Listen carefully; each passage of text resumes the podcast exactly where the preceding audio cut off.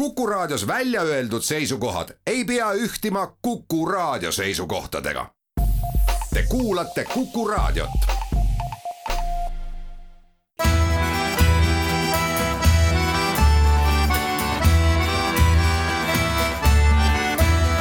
Kirillitsas Eesti tere päevast, head raadiokuulajad, eetris on Kirillitsas Eesti, saatejuhiks Pavel Ivanov ja sel väga palaval suvisel päeval mul on hea meel stuudios tervitada Dmitri Teperikut Rahvusvahelisest Kaitseuuringute Keskusest. ja tere päevast! Äh, meil on täna teemade ring suhteliselt, kui võib niimoodi eestipäraselt öelda, seinast seina, aga kõik nad puudutavad meie elu, meie suhtumisi, meie mõtteid ja võib-olla isegi maailmavaateid aga alustame sinu puhul, Dmitri, täiesti traditsioonilisest küsimusest, millal sa viimati Ukrainas käisid?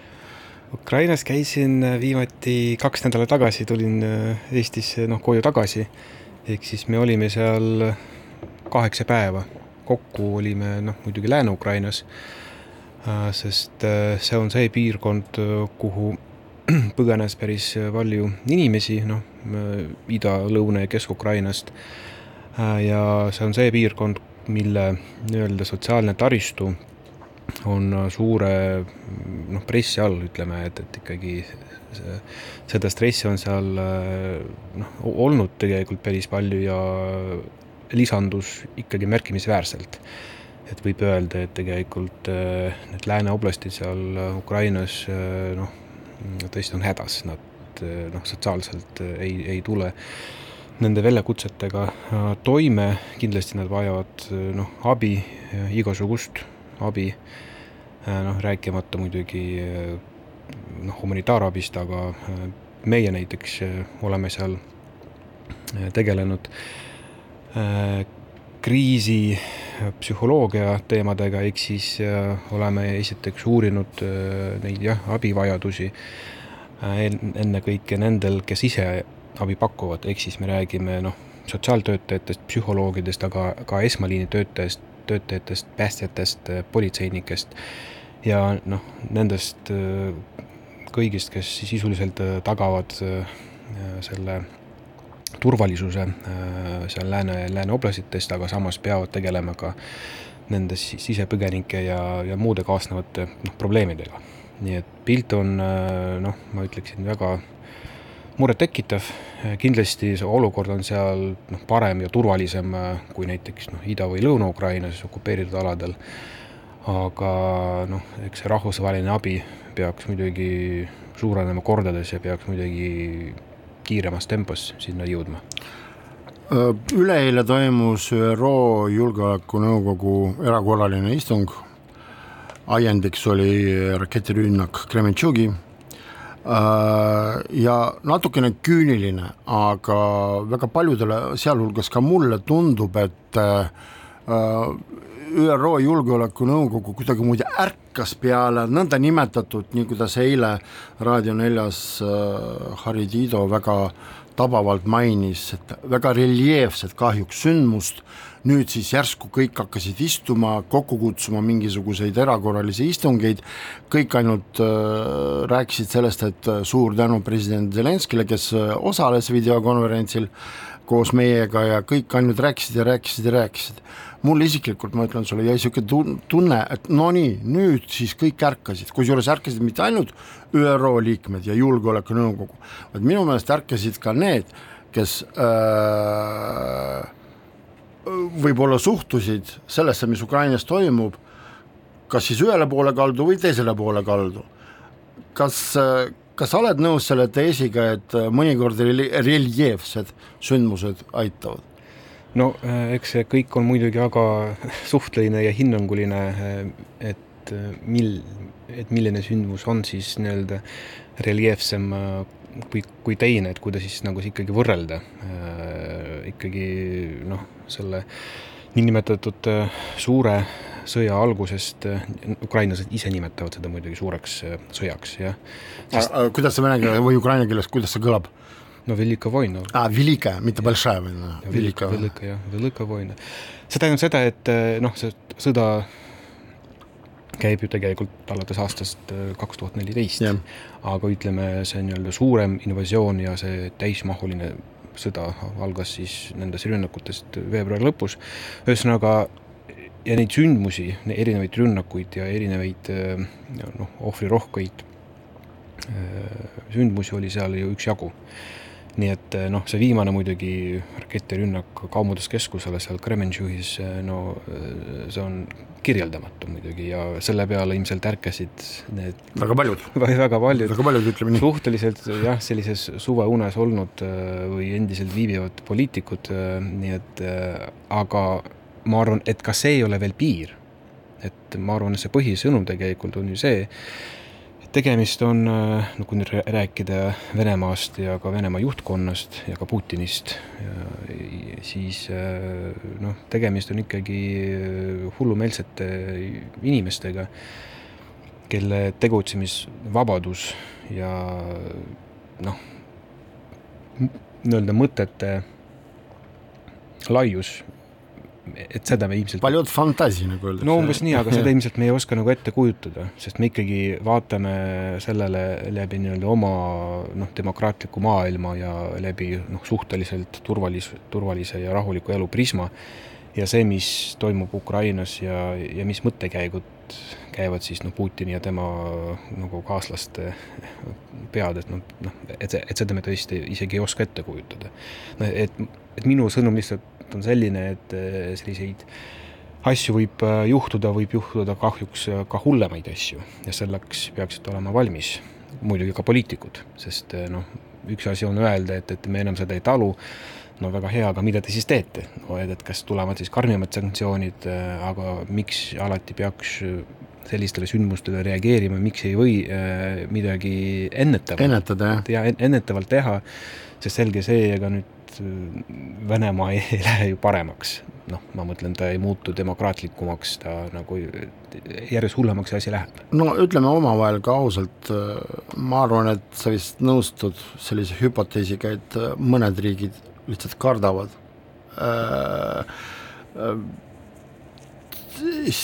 sisse tuua mingisuguseid selliseid asju, sellepärast et no ma ei, ma ei hakka nimesid nimetama, aga kes arvab, et keegi kaotab oma näo, kes kardab, et tema riik siis selle, selle tõttu kaotab energiaressursse, äh, need hirmud on ju igasugused ja nad on tõesti hirmud. Äh, no üks asi on äh, hirm, mis on tegelikult jah, väga tugev emotsioon, üks asi on noh, isiklik hirm konkreetsetel poliitikutel, aga noh, hirm võib valitseda ka mõnes ühiskonnas, aga mulle tundub praegu vähemalt vaadates sotsioloogiliste küsitluse tulemusi Euroopas, siis noh, vähemalt Saksamaal, Prantsusmaal ja teistes riikides sellist noh, sõjahirmu ei ole veel. mõned poliitikud võib tõesti karta näiteks eskalatsiooni. noh, ja seda on öeldud tegelikult ju mitmed riigipead, et tegelikult nad ei taha ju viia äh, võid nagu tekitada olukorda, äh, kus äh, Venemaa võib tõlgendada seda eskalatsioonina ja siis käiku võib minna näiteks noh, tuumarelv. et, et seda kardetakse või vähemalt kasutatakse nagu sellisel noh, retoorilisel viisil, aga, aga noh, mulle tundub, et sõltumata sellest, mida lääs teeb või ei tee, kuskil noh, ühe või kahe inimese peas Venemaal noh, näiteks tuumarelva kasutamine on juba võimalikuks mõeldud noh, kas nad tõesti on valmis äh, minema lõpuni, eks aeg näitab, aga, aga no ma ei välistaks tõesti, sest äh, noh, viimased sündmused ju näitavad, et nad ei, äh, ei taju piire, et neil on maailmataju on hoopis teistsugune. teeme siinkohal väikese reklaamipausi, pärast jätkame saadet.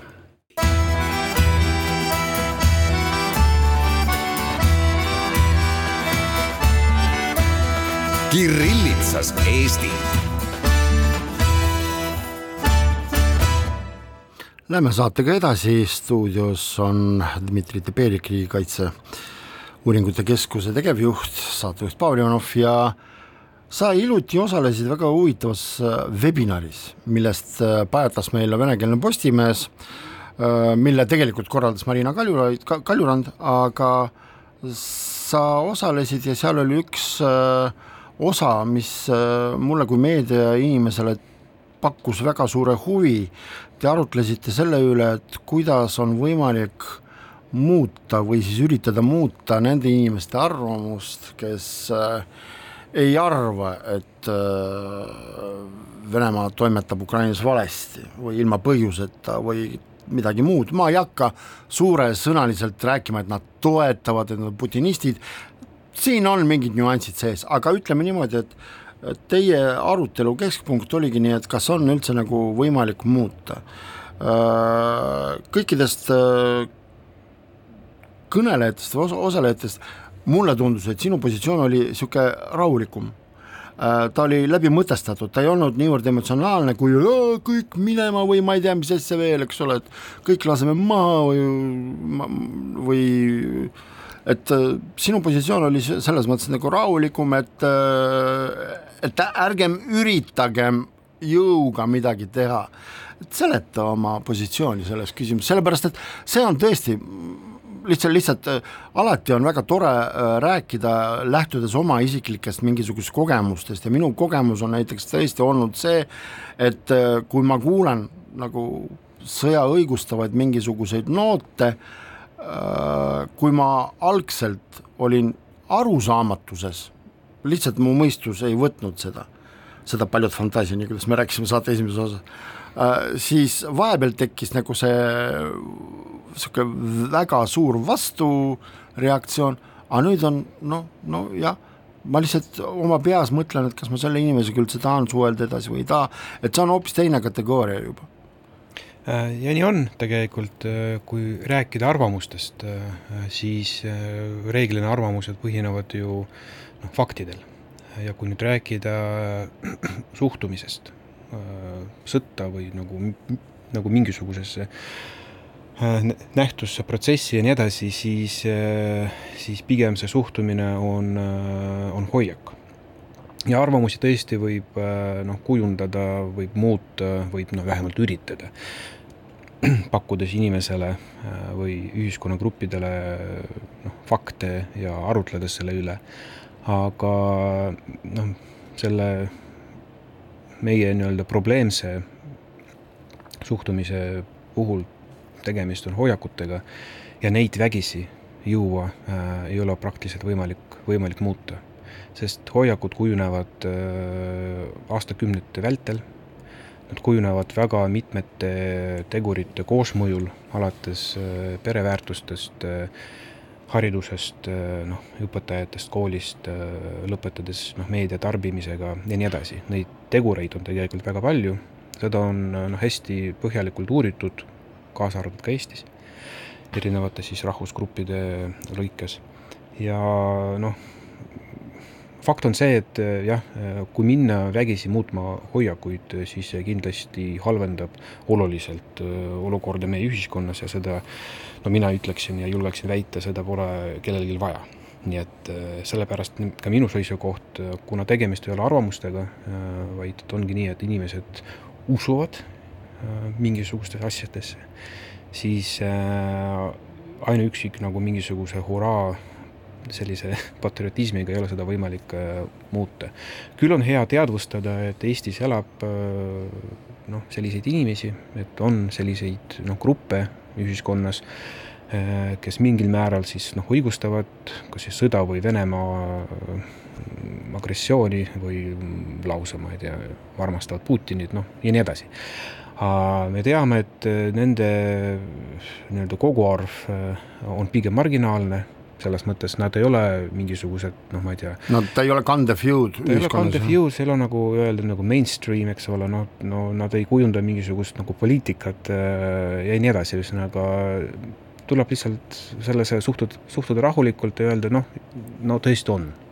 oled sa nõus sellega, et las nad pigem äh, lasevad auru sotsmeedias välja, kui no igal asjal on muidugi oma piir, selles mm, mõttes, et jah, jah, auru nagu väljalaskmine sotsiaalmeedias või kuskil nagu kööginurgas äh, suvalises kohas Lasnamäel või Maardus äh,, see on nagu üks teema, aga noh ikkagi asi peab olema noh, seaduse piires, ehk siis ei tohi nagu levitada vihakõnet, noh, ja nii edasi, ja nii edasi.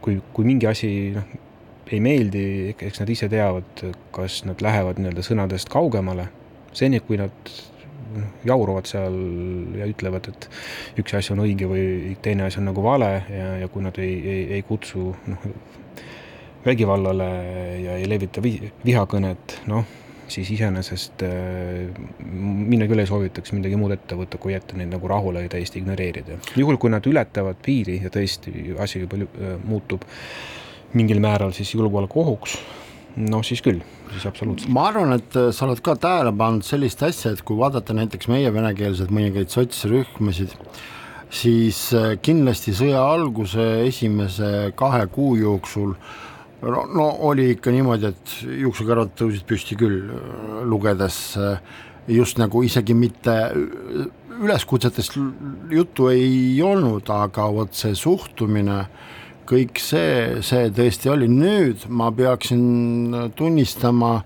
et asjad on rahunenud. Aga ma ei saa väita, et see on tänu sellele, et on muutunud mõttemaailm. Aga võib-olla see tunne, et sa võid selle eest ka karistada saada, võib-olla see ka mõjub, aga on olemas natukese teistmoodi äh, emotsioonid ja reaktsioonid, näiteks kirjutas ja sel nädalal Eesti Ekspress Hannes Rumm oma tähelepanekutest.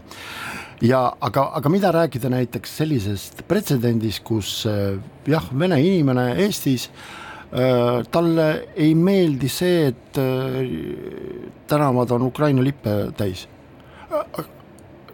tähendab, saad aru, sa oled minuga kindlasti nõus, et siin põrkuvad tõesti kaks aspekti.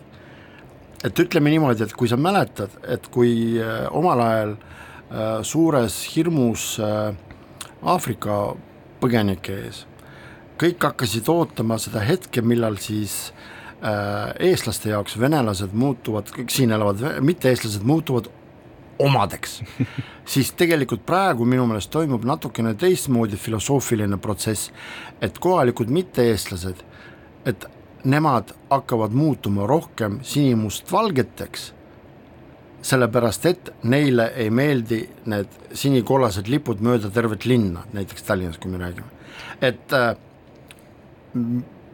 mis on siin sisu, mis on siin pseudo? Äh, no sisu on ikka tegelikult ju see, et äh, Ukraina, noh, riik, Ukraina rahvas tervikuna äh, on ikkagi ohver. ja iga, ütleme, empaatiline või ütleme, psühholoogiliselt ja mentaalselt terve inimene, kes on siis võimeline nagu mingiteks emotsioonideks muidugi kas siis vähemalt kas ta tunneb kaasa sellele noh, ohvrile äh, või siis üritab seda kuidagi leevendada ja abistada. See on noh, meie loomulik osa meie nagu inimsusest, miks me inimesed ikkagi oleme. Ja kuna ikkagi me näeme, et jah, Ukraina rahvas ja need ukrainlased, kes siia tulid äh, või kes siin olnud, noh, tervikuna ikkagi nad on ohvri staatuses, äh, siis otse loomulikult meie noh, suuremad sümpaatiad nagu lähevad nagu neile. Ja siin muidugi jah, nii nagu sa ütlesid, mõnikord põrkubki see, see asjaolu, et äh, noh, mitmetel venekeelsetel kogukondadel siin Eestis äh, see ohvritunnetus ei ole kuhugi kadunud. tegelikult nad on ju seda siin aastakümneid rääkinud, et äh, noh, võrreldes nii-öelda eestlastega või ütleme, päris eestlastega või kuidas ma, etniliste eestlastega, mõned nii-öelda venekeelsed elanikud Eestis on ka olnud nagu ohvrid, et nad ei saanud piisavalt kasu nii-öelda sellest üleminekuperioodist, eks ole, et mõned on jäänud, ma ei tea, töötuks ja, ja nii edasi, ühesõnaga kogu, kogu see retoorika. on jäänud elu hammas, hammasratast. nojah, et äh, ega see elu arusaadavalt ei olnud tegelikult lihtne, aga samas ei olnud lihtne kõigil, no ma mõtlen, et siin mm -hmm. ei mhm. saa ju nagu kuidagi võrrelda, aga noh, põhimõtteliselt see ohvri tunne on mõnel rühmal ikkagi väga tugev ja siis, kui nad näevad, et nüüd on kogu abi ja need noh, mm -hmm. sümpaatia. uuel ohvril, eks ole. jah, läheb sinna ja siis nad ütlevad, aga, aga no meie siin ise ju oleme tegelikult ju ohvri staatuses, et eks ole, et me oleme kaotanud tööd ja nüüd see suur inflatsioon ja nii edasi ja nii edasi, et tegeleme pigem nii-öelda meie nii-öelda kodumaisete probleemidega ja nad lihtsalt ei olegi nõus seda kuidagi noh, seostama, et noh, Eesti ei saa eralduda maailmast kõik, mis toimub maailmas, tegelikult avaldab mõju ka Eestile, Eesti majandusele, Eesti elule noh, nii või teisiti. Ja no rääkimata Ukraina sõjast, ses mõttes, et need tagajärjed on juba siin tunda ja ega noh, see selline soovmõtlemine lihtsalt ei vii, ei vii edasi, et eks need inimesed peaksid, peaksid sellega harjuma. no ma ei tea, kas kedagi võib nagu tõesti ühe või teise riigi lipp nagu niivõrd teritada, aga ma arvan, et tegemist siin ei ole äh, rahvusega, sest me ju teame, et äh, noh, on olnud sõnavõtte Ukraina nagu lipu teemal äh, erinevatelt noh, rahvusgruppidelt. jaa, ma, ma ei üritagi nagu selles mõttes nagu kuidagimoodi piiritleda seda teema levikut ühes konkreetses rahvusgrupis, see on, see on maailmavaateline on, tõesti on ja eks keerulisemaks läheb, sest ma ütlen, et noh, tegelikult meie kodumaised ja kohalikud probleemid ei kao ju kuhugi ja noh, kas üks või teine teema peab olema prioriteetsem kui, kui, kui muidu, no eks ta muidugi on esiteks poliitiliste valikute äh, küsimus, aga teiseks, millega siis meie ühiskond nagu, nagu saab, saab tegeleda, et noh, sõjaväsimus nii või teisiti on paratamatu.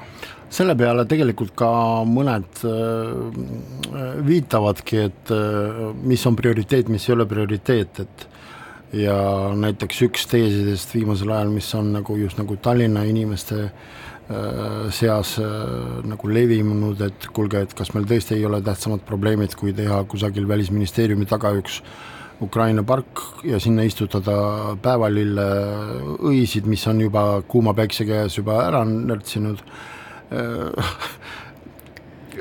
Kui loed seda, siis ühest küljest nagu puht looduslikust mõttes, sa saad aru tõesti, lilled närtsisid ära, kas oli vaja neid praegu istutada, okei okay.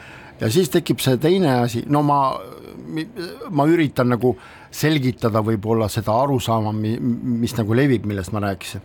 et aga tõesti, et mis on siis nagu prioriteet, et, et mõnel võib tõesti olla selline arusaam, et võib-olla tegeleks eelseisva kütteperioodi ennetusmeetmetega ja pargi jätame pisut hiljemaks, et noh, vaata prioriteetide põrkumine ideoloogiaga, mis on vürtsitatud, kuidas sellest välja tulla?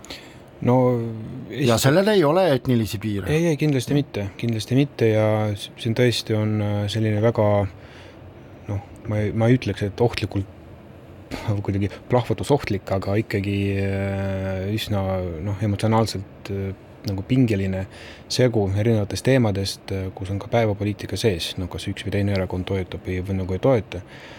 aga noh, selge see, et ma arvan, et enamus Eesti kodanikest ju saab aru, et julgeolekuoht kui selline või see julgeolekuolukord Euroopas ja nagu meie, meie piirkonnas endiselt vajab sellist nagu tähelepanu ja sellest kujunebki arusaam, et see on nagu noh, prioriteetsem teema, et äh, ja meie lähtepositsioon on olnud siin äh, viimastel aastatel ja eriti nüüd viimastel kuudel see, et äh, Ukraina sõda on ka Eesti sõda.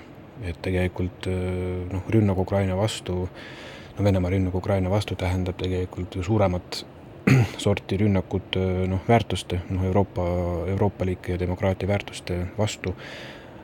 ja kui Ukraina peaks noh, sõda kaotama, juhul, aga noh, me tegelikult ju loodame ja usume, et, et sõda lõpeb siis Ukraina võiduga. aga kui ta peaks, siis muidugi kohe tekibki küsimus, et kes on siis need järgmised ohvrid. no ja Balti riikidest, sealhulgas Eestis on ju räägitud ühel või teisel viisil, nii et sellest lähtuvalt see ongi see prioriteet, millega me tegeleme. reklaam, pärast oleme eetris taas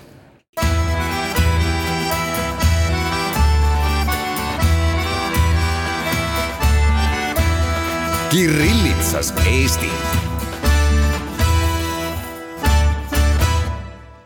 jätkame saadet stuudios Pavel Ivanov ja Dmitri Teperik. saime sel nädalal teada, et äh, Riia otsustas lõpetada Ukraina põgenike vastuvõtu. ja samasugused signaalid tulevad ka Euroopa riikidest, varem siin kuu-poolteist tagasi oli midagi analoogset Bulgaarias, aga seal ajati natukene informatiivselt ka segamini, väideti, et Bulgaaria võimud viskavad sanatooriumites, kuhu siis ajutiselt majutati põgenikke välja, see osutus natukene valeinformatsiooniks, aga igal juhul need protsessid, mis puudutavad põgenikke, äh, mis on tingitud sellest äh, ajaga mõõtmisega seotud viibimise kulgu, nad hakkavad muutuma. Kas sa saad seletada sinu arvates, mis võiks olla see põhjus, miks Lätis niimoodi toimub ja kas ka Eesti, Tallinn võib minna sama teed? No mulle tundub, ma olen selle teemaga tegelenud äh, natuke nii-öelda teise nurga alt, aga esiteks äh, ma ei tea, kas tõesti ühe või teise omavalitsuse äh, pädevuses nagu otsustada, kas keegi nagu võtab põgenikke vastu või mitte.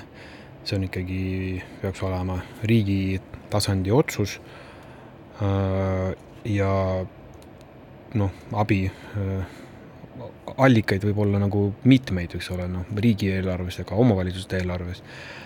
aga ikkagi, äh, kui riik, Eesti riik antud juhul otsustas toetada just nimelt sõjapõgenike abistamist, siis seda saab teha mitmel moel. ja noh, siin ei ole isegi mõtet kuidagi keerutada või salata, et nende põgenike seas võib olla erinevaid inimesi. ja noh, seda me tegelikult oleme näinud ka Ukrainas, kui näiteks noh, mitmete lääne oblastite elanikud on noh, nad isegi ei ole põgenenud, aga nad on nii-öelda kolinud ajutiselt enda siis majadest või korteritest välja, andes neid üürile, ehk siis üürides neid siis Ida- ja Lõuna-Ukrainast tulnud sisepõgenikele. Ehk siis noh, piltlikult öeldes näiteks üks Lvivi elanik, kellel oli näiteks korter ja tal oli võimalus minna või kolida ajutiselt ütleme näiteks Varssavisse või Berliini, kas siis sugulaste juurde või siis puhtalt äh, Saksamaa või Poola riigi toetatud pinnale, siis see korter Lvivis jäeti tühjaks ja ta, ja ta üürib seda välja nii-öelda äh, näiteks Harkivi elanikule, no raha eest muidugi ja ka selliseid inimesi on ka Eestis, kes on tulnud Ukrainast, noh, Lääne-Ukrainast eelkõige, Äh, ja noh, et kuidas suhtuda siis sellesse, äh, ma ei ütle, et see on halb või hea, selles mõttes ma ei anna hinnangut, ma lihtsalt ütlen, et neid inimesi on erinevaid. Neid tõesti on olnud, noh, on Eestis ka inimesi, kes on ju tulnud noh, Kiievi lähistel, eks ole, Irpinist ja noh, Kiievist endast ja Harkivist ja nii edasi.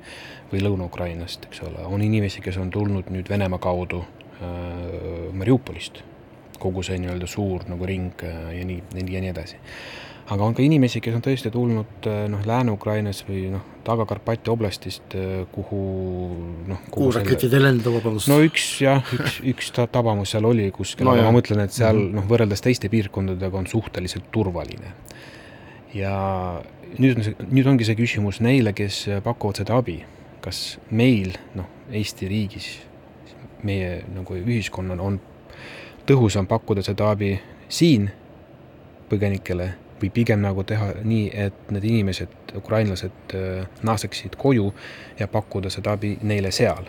ma lihtsalt täpsustan, et äh, sellest olukorrast Riias, et äh, põgenike vastuvõtukeskus Riias lõpetab esimesest juulist uute Ukraina põgenike vastuvõtu, aga jätkab teenindama, teenindada neid, kes on juba siin ja küsimus on äh, selles, et finantseerimist enam ei ole. no see on arusaadav, ressursse on vähe no kõigil ja ongi jällegi küsimus, eks ole, et kas me nüüd kulutame neid ressursse siin, sest noh, ka meie inflatsioon nagu tead, tead, teadaolevalt on nüüd tegelikult väga äh, kõrge äh, ja ütleme, iga kulutatud euro siin noh, ma ei tea, kuivõrd tõhus oleks noh, seda näiteks suunata ja saata neid noh, Ukrainasse ja kulutada äh, seda toetust, äh, toetust näiteks seal.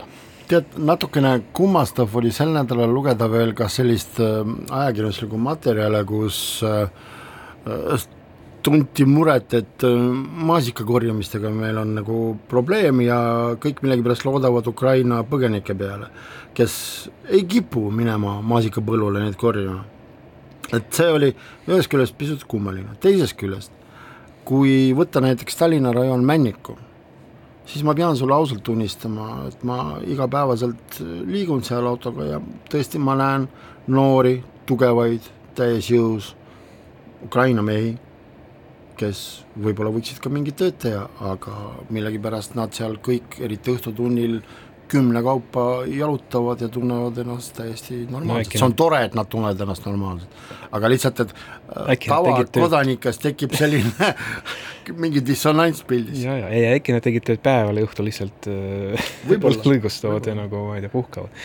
ei no ma ütlen lihtsalt see, et see ei ole pilt ei ole nagu mustvalge, kindlasti, et kindlasti. neid, neid on erinevaid inimesi, erinevaid gruppe, erineva taustaga, erineva lausa traumadega et ja ka seda tuleb arvestada ja kindlasti noh, kui meie ühiskonnana abistame neid, kas siis siin Eestis või nagu seal Ukrainas, äh, siis otse loomulikult see abi peab olema hästi suunatud.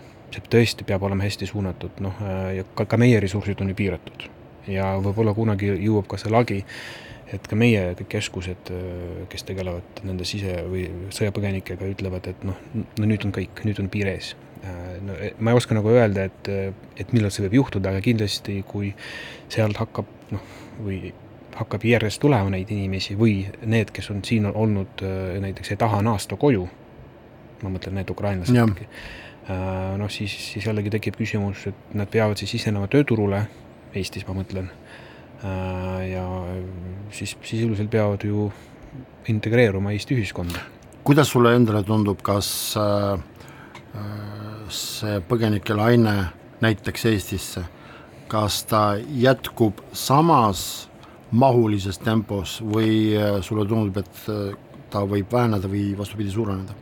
no see tegelikult sõl-, sõltub ju no sõltub Venemaast vabandust. noh jah ja., sellest olukorrast, mis, mis on rindel, ehk siis sõltubki nagu sõja, sõja käigust, noh praegu mingisugust hüppelist suurenemist ei prognoosita, kui kui mõned üksikud veel noh, noh üksikud ük,, üksikud kümnend nagu inimesed äh, nagu saabuvad, äh, siis meile ilmselt see oleks nagu jõukohane, aga noh, Ukraina ise muidugi prognoosib, äh, et sõda lõpeb aasta lõpuks. Ukraina sõjaväe luurejuht kolonel ütleb, et teist kordsalt kusjuures ütleb, et tema prognoos on, et sõja kestab veel aasta lõpuni ja siis ta lõpeb Ukraina võiduga.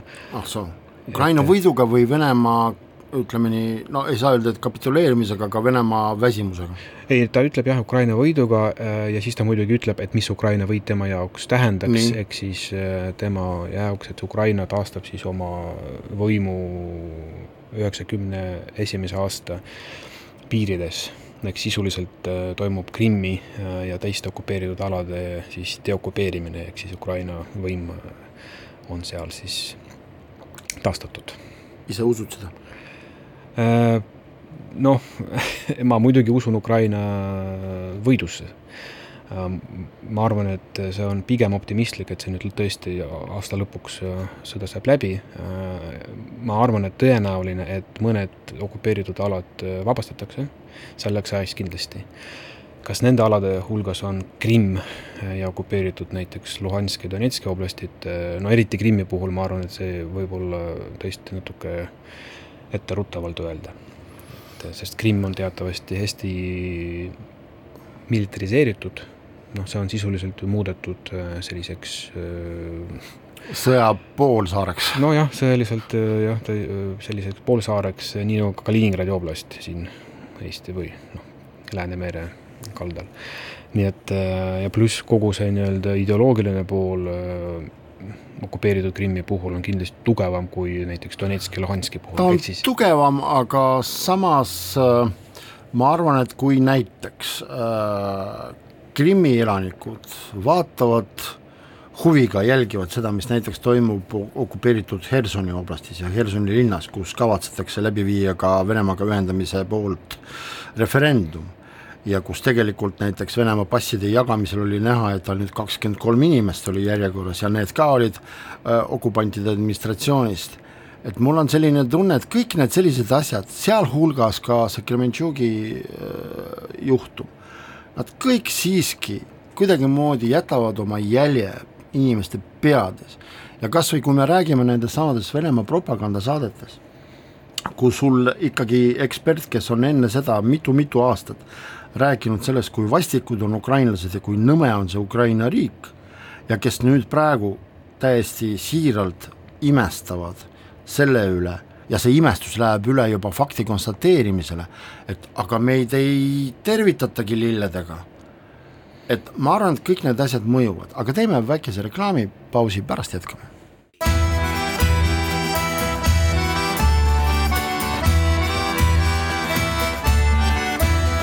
Kirillitsas Eesti jätkame saadet ja enne reklaamipausile minekut. Äh, ma lubasin endale sellise asja, et kõik need sellised väga äh, silmatorkavad, kas jubedad või äh, ebaõiglased äh, asjad, nad äh, tekitavad mingisugust mõtete vaidlust inimeste peas, mille tulemusena võib sündida täiesti uus maailmavaade, on ta positiivne, negatiivne, vahet ei ole, aga igal juhul ta mõjub ta mõjub mõtteprotsessile. Ja mul on selline küsimus sulle. loomulikult me usume, et see sõda võidab, see sõda lõpeb ja see sõda lõpeb võiduga agressori üle, see on täiesti selge.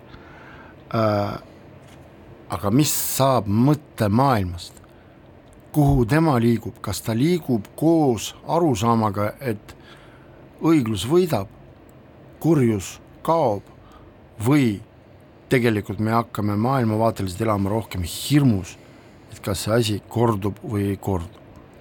nojah, seda prognoosi veel ei ole, et see kurjus, kui nüüd rääkida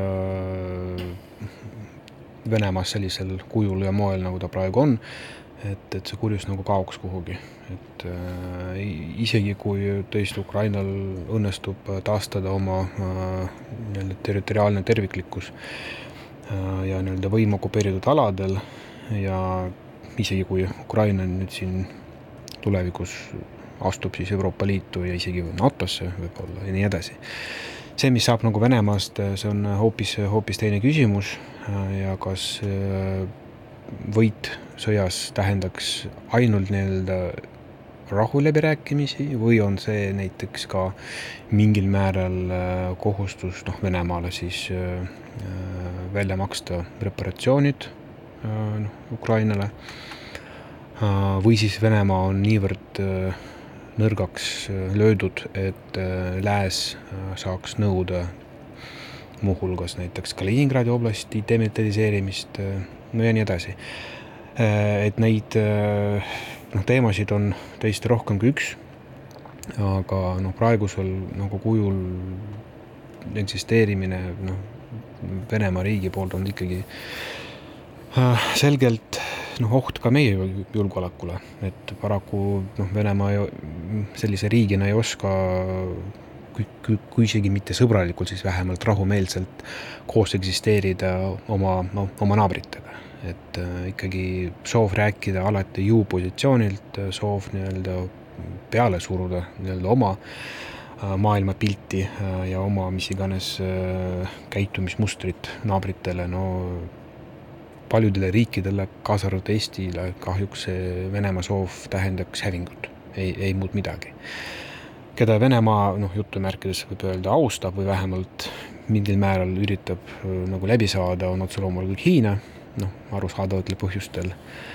Äh, ja, ja ka mõned teised sellised noh, autokraatlikud nagu riigid, noh, me teame, et näiteks Türgiga ja Venemaal on noh, nad ei ole head suhted muidugi, aga vähemalt mingisugune dialoog käib. no seal on oma niisugune armastus ei, ta ongi väga omapärane. väga, väga omapärane ja, tõesti. aga kindlasti, et, et mingisugune nagu noh, suhe neil on. kuule, kui sa puudutasid Hiinat, kas sa lugesid Global Timesis ilmunud Hiina äh, Äh, sõja- ja välispoliitika ekspertide arvamusi. ei ole lugenud see on naljakas. Научный сотрудник Китайской академии социальных наук mm -hmm. härra Liu Xiang ütles, et äh, äh, sellist asja, et äh, üks võimalikest uutest konfliktiregioonidest on Balti riigid, aga NATO-l ei ole selle regiooni kaitseplaani veel olemas. ja sõjaekspert Hiinas Sun Junping äh, ütles niimoodi, et äh, NATO kindlasti äh, on huvitatud oma kaheteist põhi liikmesriikide turvalisusest, siis sellest tulenevalt nende kaitsest lähtudes äh, allianss võib ohverdada Eestit, Lätit ja Leedut. kõige naljakam on sellist hullumeelsust tiražeerivad meil siin eksisteerivad nõndanimetatud portaalid. aga ta, teine asi, mida ma eile lugesin välja, et tegelikult Poola, tähendab, miks Leedu hakkas Kaliningradi transiidile vastu, sellepärast et äh, see haakub Poola plaaniga hõivata Lääne-Ukrainat seda muuseas ütles ka üks inimene, majandusteadlane Mihhail Hasin, keda tsiteerib meie koomikute duett koos no alati jah, tekib küsimus, nagu sa ise ütlesidki, milleks tiražeerida sellist Lollusi, nagu lollust, jah, tõesti. ja kellele siis lõpuks äh, sellest on kasu. nii et äh, noh, see ei ole, ei ole mingisugune noh, isegi meelelahutuslik sisuga asi, vaid see on tõesti äh, selline noh, ta isegi ei ole spekuleerimine erinevatel julgeolekuteemadel, see on, see on tõesti noh, ütleme puhas, puhas. Provokatsioon Pro- millel ei ole isegi võib-olla mingit tagamat taga vist. Jaa, et, et äh, aga noh, no ra raske öelda, miks äh, mõned inimesed siin Eestis äh, ta tahaksid äh, tõesti nagu spekuleerida sellisel teemadel, millel ei ole mingisugustki äh, kokkupuudet reaalsusega. aga noh, et no me, me teame, et mõnikord need nimetatud portaalid või teised äh, infoallikad äh, pakuvad ikkagi sellist äh, infot, mida tarbitakse. ja siis noh, ütleme selle meedia tarbimise puhul mulle alati meeldib ikkagi vaadata mõlemat poolt. ehk siis noh, pakkumus, ütleme, kust see tuleb ja siis ka nõudlus, et kui on olemas äh, mõnedel inimestel siin Eestis äh, vajadus või nagu nõudlus selliste jutumärkides uudiste nagu järele, noh, siis jällegi tekib küsimus nende maailmataju ja kogu selle nagu pildi kohta, et no milleks. ma just tahtsin äh, sinuga selles mõttes nõustuda, et turu vajadus selle järgi puudub, et see on ikkagi enda mingisuguste seisukohtade enesekompleksite väljaelamine läbi selliste lolluste tiražeerimise, mis eelkõige tegelikult võimendavad äh, inimeses endas usku oma tõdesse mi- minu meelest, et et rääkida sellest, et Poolal on Lääne-Ukraina okupeerimise plaan, see on tere talv, nagu öeldakse aga tegelikult talve me ei taha tervitada, sellepärast et elektri ja küttehinnad tulevad kõrged. aga ma tänan sind, tuletan meelde raadiokuulajatele, et stuudios oli täna Dmitri Teperik, kes väga hästi teab sellest, mis toimub Ukrainas, mis toimub Ukraina põgenike peades ja osaliselt ka nende inimeste peades, kes äh, arvavad sõjast Ukrainas ühtemoodi ja ka teistmoodi, sellepärast tõesti see on selline maailm, millest on väga raske aru saada ei ühelt poolt ega teiselt poolt ja samas tegelikult me ei pea leppima selle mõttega, et me peame sellest teada saama, sellepärast et mitte keegi ei taha, et tema õuel oleks sõda. suur tänu sulle, suur tänu raadiokuulajatele ja kohtume nädala pärast taas.